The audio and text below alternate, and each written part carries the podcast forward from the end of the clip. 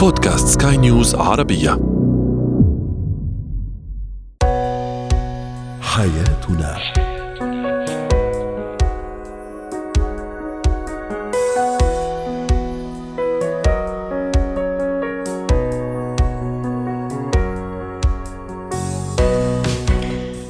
مستمعينا الكرام كل عام وأنتم بخير أهلا بكم معنا إلى حياتنا فضاؤكم اليومي الذي يعنى بشؤون الأسرة وباقي الشؤون الحياتيه الأخرى والذي يمكنكم الاستماع إليه عبر منصات Sky News Arabia dot com سلاش بودكاست وباقي منصات سكاي نيوز عربيه الأخرى. شاركونا عبر رقم الواتساب 00971 561 88 ثلاثة. معي أنا ابتسام العكريمي.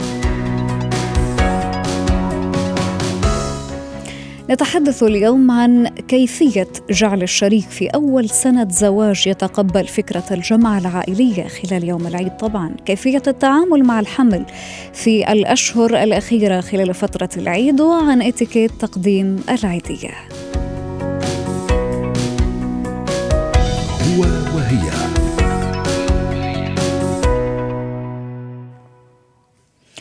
قد تختلف الطباع بين كل شخص وآخر خاصة عندما نتحدث عن الشريك والشريكة الزوج والزوجة. في أول سنة زواج غالبا ما يكون هذا الثنائي غير مستوعب لكافة الأمور التي تدور من حوله خاصة آه، فيما يخص الطباع الطباع الخاصة بكل منهما. هناك الكثير من التساؤل والإشكاليات التي تطرح في هذه الحالة. كيف أجعل الشريك في أول سنة زواج يتقبل فكرة الجمعة العائلية خلال يوم العيد؟ ما هي الأسباب التي من خلالها أجعل هذا الشريك بإمكانه أن يتفاعل مع العائلة الكبرى؟ سنجيب عنها عبر ضيفتنا رحبوا معي مستمعينا الكرام بضيفتنا العزيزة أستاذة ليندا حمادة استشارية نفسية وأسرية. يسعد يومك أستاذة ليندا وكل عام وأنت بألف خير. أنتم بألف خير ويتعاد على الجميع بأحلى يوم اللي هو يوم العيد الأول لما بيقضوه أكيد مع العائلة. آمين يا رب. الزواج في السنة الأولى يمكن أن تكون فيه الأمور شوي غير واضحة بالنسبة للطرفين، خاصة المجاملات الاجتماعية بين ضفرين، سواء تحدثنا عن أهل الزوج أو الزوجة، الأصدقاء على حد السواء. اذا لاحظت أنا انه شريكي لم يحب ذلك، ماذا أفعل؟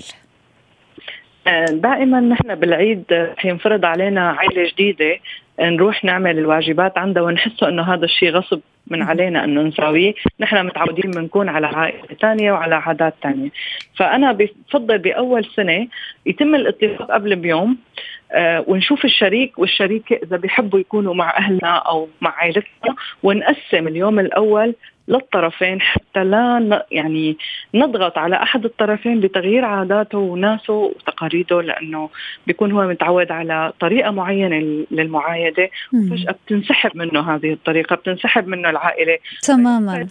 الاي دي تبعه قيمته.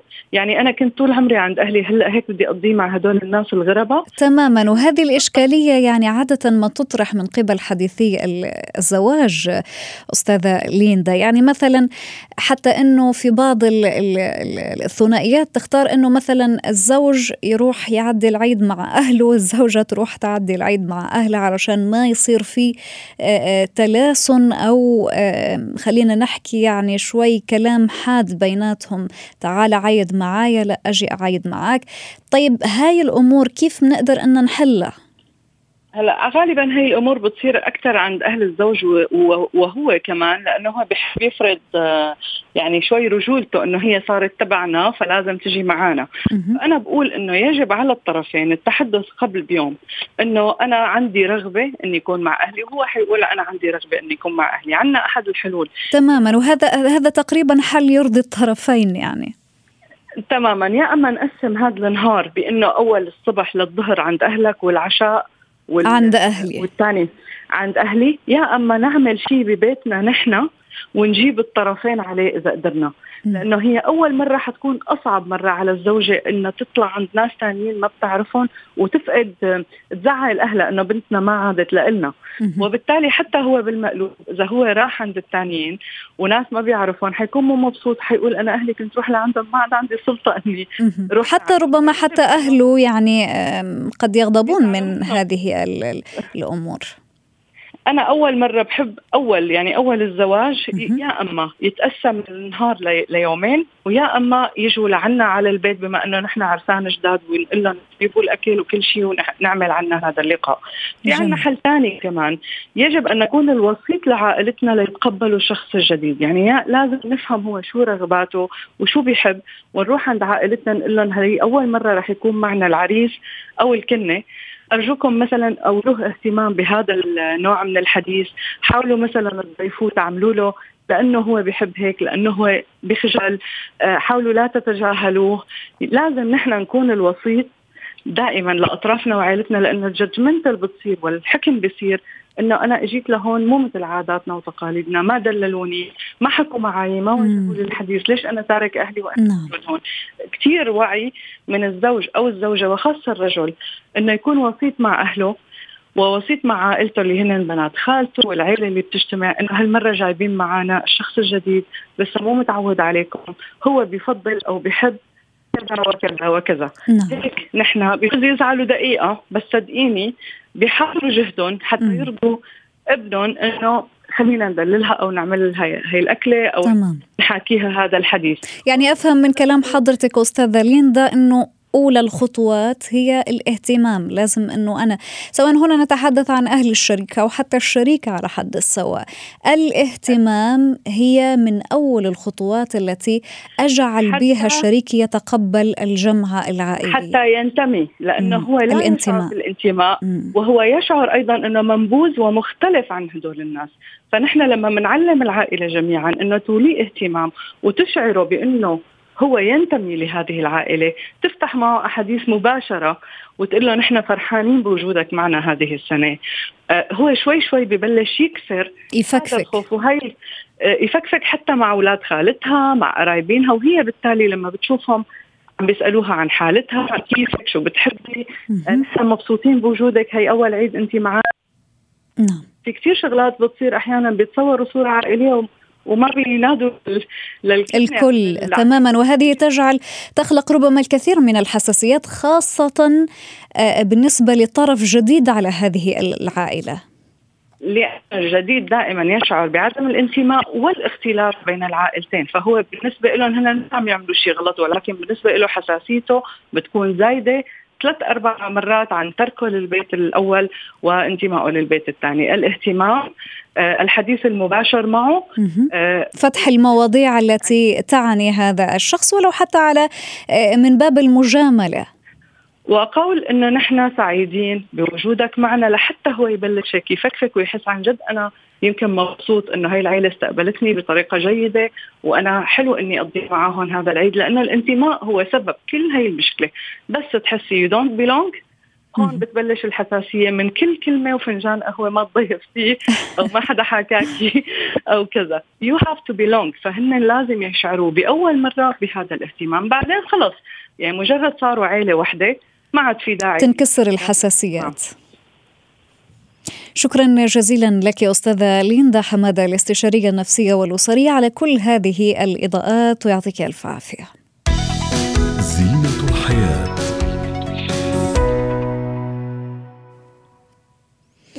بالنسبة للمرأة الحامل لابد أن تدرك أن عليها الحذر في التعامل مع النظام الغذائي أو الأسلوب الخاص في التغذية أو الروتين الغذائي اليومي خاصة بعد شهر رمضان مباشرة. علشان نتجنب أي لخبطة ممكن تصير أو أي تقلصات معوية ممكن أنها تصير مع الحامل إضافة إلى التقلصات التي تشعر بها. إذا يعني نتحدث الآن عن كيفية التعامل مع الحمل في الأشهر الأخيرة خلال فترة العيد وما هي مخاطر الإكثار من تناول السكريات والكعك؟ نستقبل الآن ضيفتنا العزيزة دكتورة رزان شويحات الخبيرة خبيرة التغذية. أهلا بك دكتورة رزان وكل عام وأنت بخير.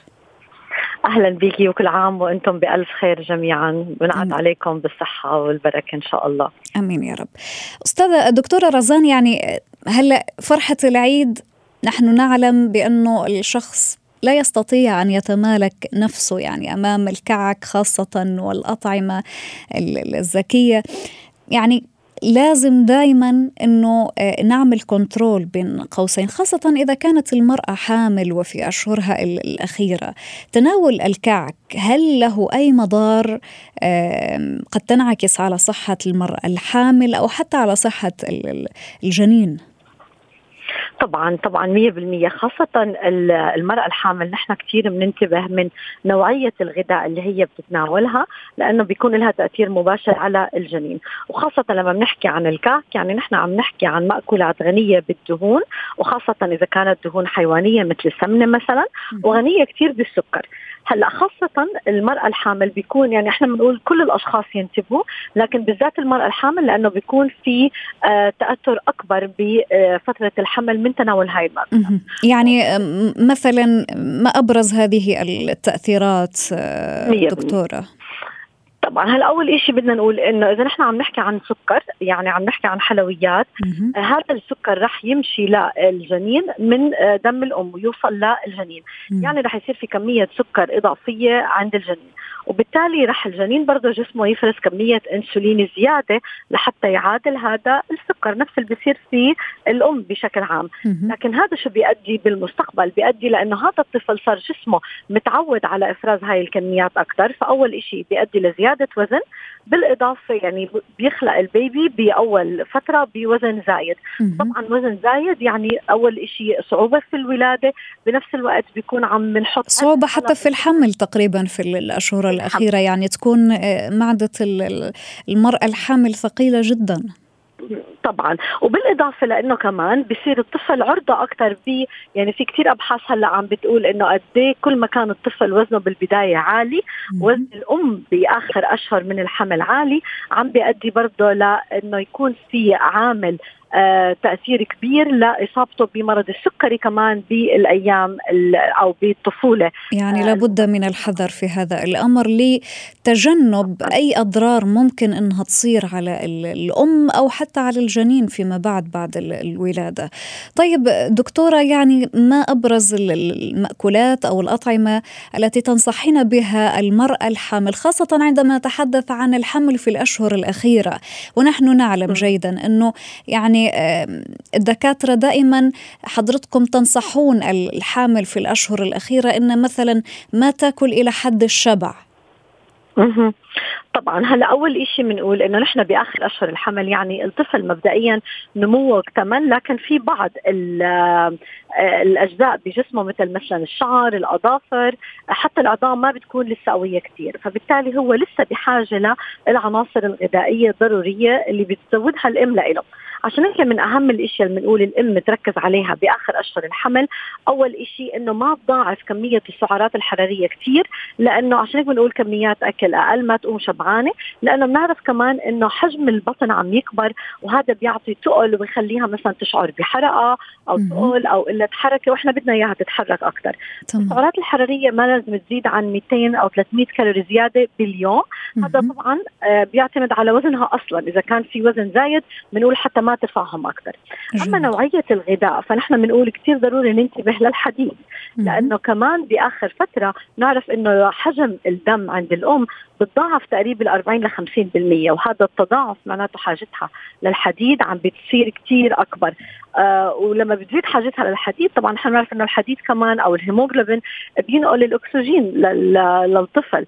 فهون نحن ضروري نكون برضه منتبهين للأغذية الغنية بالحديد مثل مثلا اللحوم الحمراء العدس البقوليات السبانخ. بالضبط. وكمان بحاجة لفيتامين سي لأنه أول شيء بيزيد من امتصاص الحديد وبنفس الوقت آه هو آه بيقوي المناعة. فهي شغلة كثير مهمة. جميل. كمان من العناصر الغذائية بنركز عليها الكالسيوم لأنه مع إنه اكتمل العمود الفقري والعظام تبعت الجنين لكنها لسه بتكون طرية لسه بحاجة إنه هو آه، يقوي هاي العظام. نعم. لسه ما تكونت. فبرضه لسه الأم بحاجة لتناول 1000 ملي جرام على الأقل من الكالسيوم بهاي الفترة اللي هي طبعا منتجات الحليب الألبان ممكن ناخذها قليلة الدسم حتى لكن دكتورة رزان أعذريني فقط عندي تساؤل في هذا الخصوص. حضرتك تفضلت بضرورة تناول كل ما يتضمن الكالسيوم. هل هناك أي تعارض بين الكالسيوم والحديد مثلا؟ هل دائما ما نسمع إنه الكالسيوم قد يعيق من امتصاص الحديد في المعدة. هل ذلك صحيح؟ إذا كانت بكميات كبيرة وإذا كان عن طريق حبوب. يعني مثلا إذا نحن عم ناخذ مدعمات الحديد بنقول يفضل ما نتناولها مع وجبة غنية بالحليب أو باللبن نتناولها بالوجبة الثانية.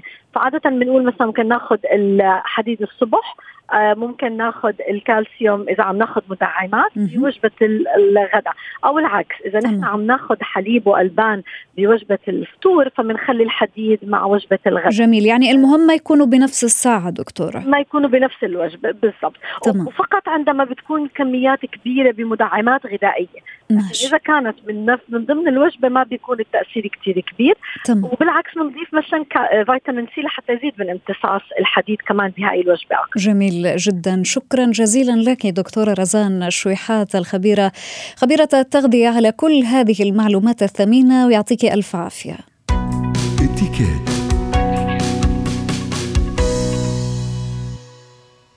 اليوم نتحدث عن كيفية إعطاء العيدية للصغار والكبار على حد السواء ونتعلم الإتيكيت في هذا الموضوع طرحنا سؤالنا التفاعلي هل تعلم الأسلوب الصحيح لتقديم العيدية وكيف؟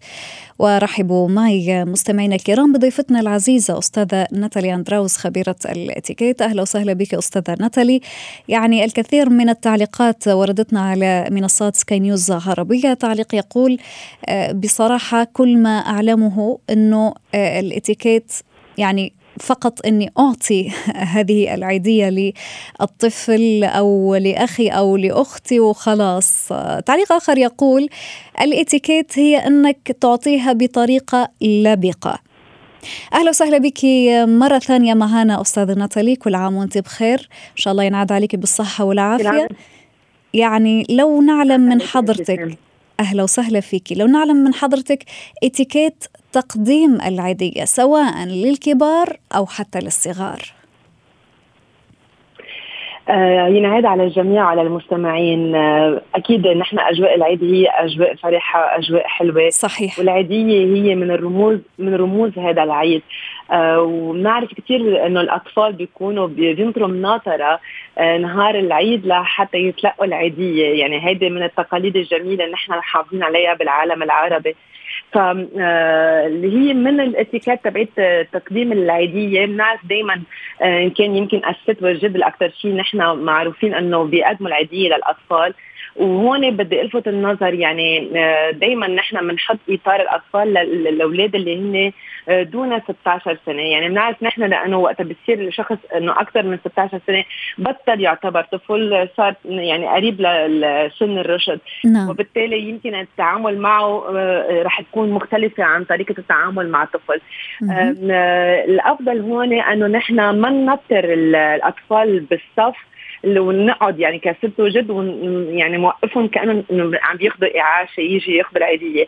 آه كثير حلو وجميل إنه نحن آه نقصد الأطفال نروح لعندهم نقعد حد منهم نعيدهم نبوسهم نعطيهم العيدية آه، بإيدهم. هلأ هي الأفضل تكون محطوطة بظرف بظرف ملون. نعرف نحن أجواء العيد لأنه هي أجواء فرحة فينا نختار إنه ظروف من ألوان مختلفة.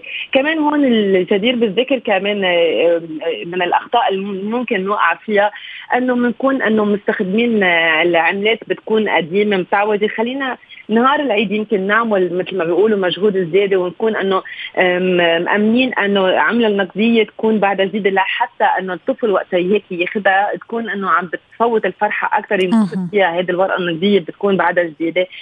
حلوة الفكرة. إنه الأطفال الصغار ابتسام نعطيهم آه، عدة أوراق. يعني أنت بتعرف الولد ممكن ما بيعرف قيمة يعني القيمة اللي عم بياخذها بس هو بيعرف العدد الأوراق اللي عم بياخذها فنحن فينا نعطيه القيمة بعدة أوراق وهون بتفوت السعادة على قلبه للطفل أكثر وأكثر إنه بيعتبر حاله إنه هو أخذ كمية أكثر جميل آه فهذا بالنسبة للأطفال. بالنسبة آه للكبار. نحن للكبار آه يمكن دائما بنوقع بالخطأ إنه نحن إنه يعني دائما الست والجد ونحن شو بدنا ناخذ معنا أو عند الأهل.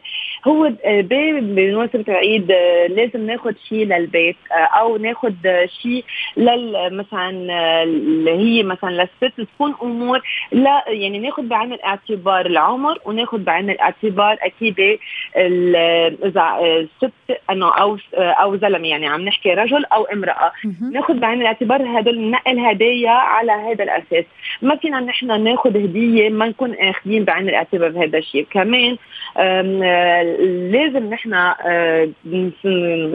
نحدد أول نهار من العيد هو لأكبر الأشخاص بالعائلة الأكبر سنا بالعائلة. نحن نقصدهم ونروح لعندهم ونعيدهم. هذه كمان كثير نقطة مهمة. رائع. هلأ بحكم تعرفي ابتسام إنه كلنا عم نكون إنه مغتربين عن بلادنا ممكن نهار العيد نكون نحن بعاد عن العائلة منا منا قادرين نكون موجودين شخصيا. هون فينا نحن نرسل بطاقات معايده. آه خلال الأسبوع آخر أسبوع من الصيام. وأكيد نهار العيد ننطر من بعد الصلاة إنه نحن نتصل دغري على الأكبر سنا. دائما هو الأصغر اللي هو اللي بيبادر بالمعايدة للاكبر سنا شكرا جزيلا لك يا أستاذة ناتالي أندراوس خبيرة الإتيكيت. على كل هذه الإضاءات ويعطيك ألف عافية. حياتنا. هنا نصل إلى ختام هذه الحلقة من برنامج حياتنا. شكرا لكم على طيب الإصغاء.